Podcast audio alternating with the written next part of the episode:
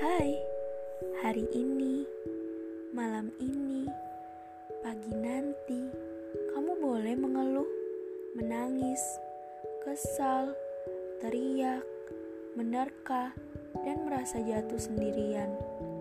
Hidup memang begitu, tidak mungkin kalau jalannya hanya lurus. Ada saja hal yang buat kita ingin nyerah.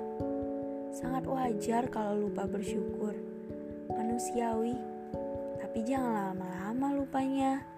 Allah itu maha baik, tidak mungkin kamu dikasih kesusahan terus-menerus. Kalau sudah cukup dalam mengeluh, setelahnya cobalah tersenyum sampai melakukan hal-hal baik dan bersyukur sebanyak-banyaknya. Keluarkan keluh sedihnya. Setelah itu bangkit dan tinggalkan rasa bersalah yang hampir hidup di dalam diri.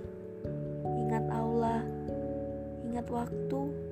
Kalau selalu dibuang untuk mengeluh, kapan hatimu bisa tenang dan merasakan bahagia yang sungguhan?